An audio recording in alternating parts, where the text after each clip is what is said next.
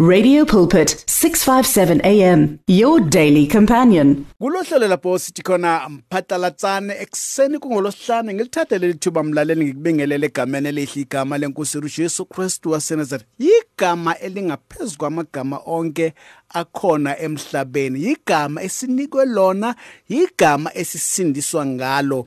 Igama mlaleli elinamandla. Ngiphinde ngilibingelele ubahle Nhlapho sibonge futhi nokusiboleka ke leli thuba. Bahle uNkulunkulu ke akubusise uNkulunkulu ke akwenze kahle. Mlaleli ivike lendlule bekuyilapho sigubha khona ukuhlushwa ukubethelwa nokufa nokuvuka kwenkosi yethu Jesu Kristu. Siloko esiyiko namhlanje mlaleli kungenxa yokubethelwa nokuhlushwa nokuvuka kwenkosi yethu Jesu Kristu. Ngamanye amagama ivangeli alisoze life futhi akekho umuntu onamandla wokulibulala ivangeli.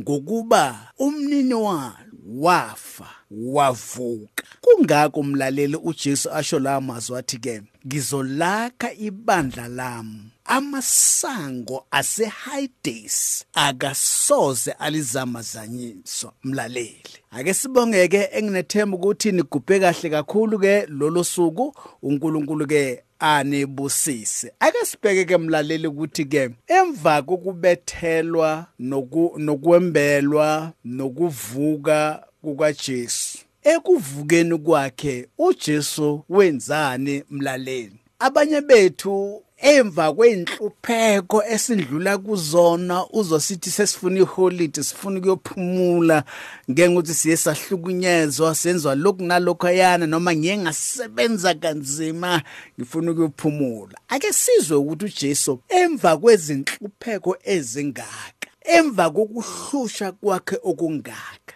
emva kwamakhotho nokubulawa kukaJesu ekuvukeni kwakhe wenzani mlaleli? Akazange avela suka athi hey eh ngitshela abantu ukuthi bangasangithinte futhi angisaye nasebantwini. Ake ngithi ukuphumula ake ngithatha ikhefu. Sengizonibona emva kwesikhathi. Kepha izwi lenkosi kuActs chapter 1 eh kuverse 3 lithi ke waziveza kubo ephilile emva kokuhlupheka kwakhe. Emva kokuhlupheka kwakhe waziveza kubo abanye mlaleli inhlupheko zethu zisenza ukuthi singakwazi ukuxhumana noma nokuhlangana nabantu ngenxa ukuthi ke sisaba ihlazo ukuthi abantu bazothini. Abanye bethu mlaleli ukuhlupheka kwethu kusenza ukuthi singayi naseyinkonzweni ngenxa ukuthi ke anginamali yokuthenga impahla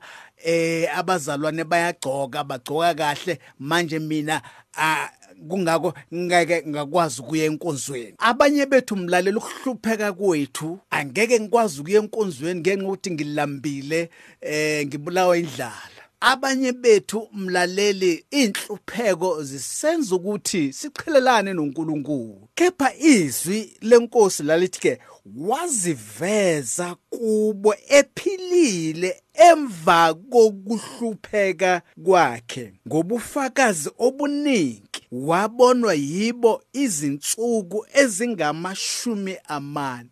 40 days mlaleli. Abanye bethu mhlambe nasemzimbeni eh ngenxa yokugula ngenxa yani nanoma seng- sengiphilile sengikwazi ukuhamba senyasaba ukuyoziveza kubazalwane. Ngikhonze nabantwana baNkulunkulu ngikhonze ebandleni ngenxa ukuthi eh bazothi bheka ukuthi unjani sowondile o noma sonjani into efana nalokho. Kepha izwi lenkosi lithi ke ekuvukeni kwakhe enalawo manxeba mlaleli wakwazi ukuziveza ebantwini ephilile.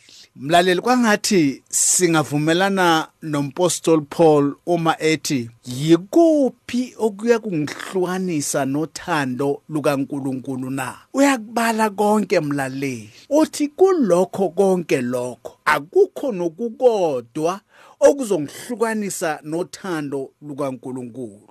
Abaye bethi sesigubhile ama Good Friday sacelebrate ukufa kwenkosi uJesu uma sesibuya sesithi dexe emakhaya. Lowo mfutho awusekho. Kepha mlaleli kusobala ukuthi abanye bethu asithathele ekhanda le ndaba yokuhlupheka nokufa kwenkosi yethu Jesu la izwi lenkosi lithi ke waziveza kubo ephilile emva kokuhlupheka kwakhe ngobufakazi obuningi wabonwa yibo izinsuku ezingamashumi amane ekhuluma ngezombuso kaNkuluNkulu. Mlaleli inkinga sibhekene nayo ukuthi sibhekene nobumina. Ngizokhuluma kahle ngizoya kahle enkonzweni uma sengihamba ngemoto enhle ephilile hayi usigedlembana ngizoya enkonzweni uma senginamasudu amahle sengigcoke kahle nami. Ngizoya enkonzweni uma ngifila ukuya enkonzweni. Ngizizwela ukuya enkonzweni. Uma ngingazizweli angeke ngiye enkonzweni. Mlaleli umbuzo ukuthi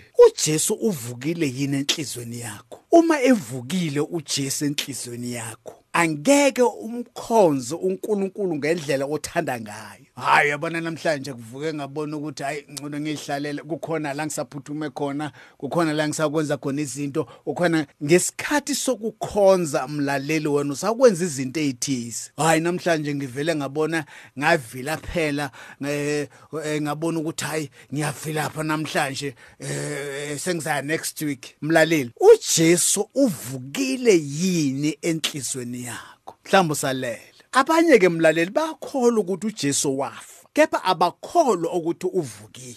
Kungaka abanye bathi ke wafa isidumbu sakhe basitshontsha. Kunaleyo nkolo leyo namhlanje. Ngakho ke umbuzo ukuthi uma uJesu evukile kuwe uyahamba yini enyathelweni zakhe? Mlaleli la izwi lenkosi lithi uJesu waziveza ephilile kubo bonke. Izinsuku ezingaba u40 ekhuluma ngombuso kaNkuluNkulu engakhulumi ngaye mlaleli yangahlushwa uyabona bangithatha nina nina abafundi bami nabaleka. Uyabona kepha izwi lenkosi lethi wayekhuluma ngombuso kaNkuluNkulu wayengakhulumi ngaye ukuthi wahlushwa kangakanani. He he kwasha kwacima eh ngayokuma phambi kweyikhulu eh ngamixwa kuphi nakuphi. Ubengakhulumi ngaye mlaleli. Kepha la izwi lenkosi lithi ke wayekhuluma ngombuso kaNkuluNkulu ngombuso kaNkuluNkulu. Namhlanje thina abanye sikhuluma ngathi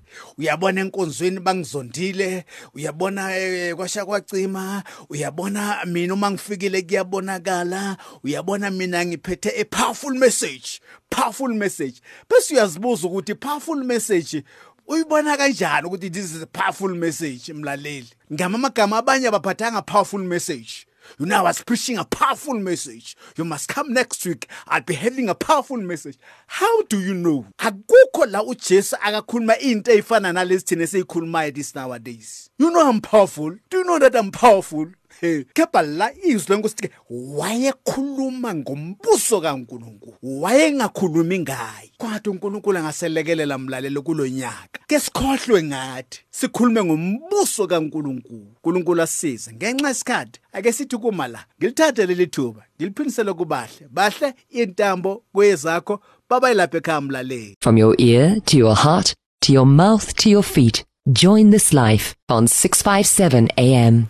Radio Pulpit understands that praying alone isn't always easy. So join us to form a chain of prayer for you and with you.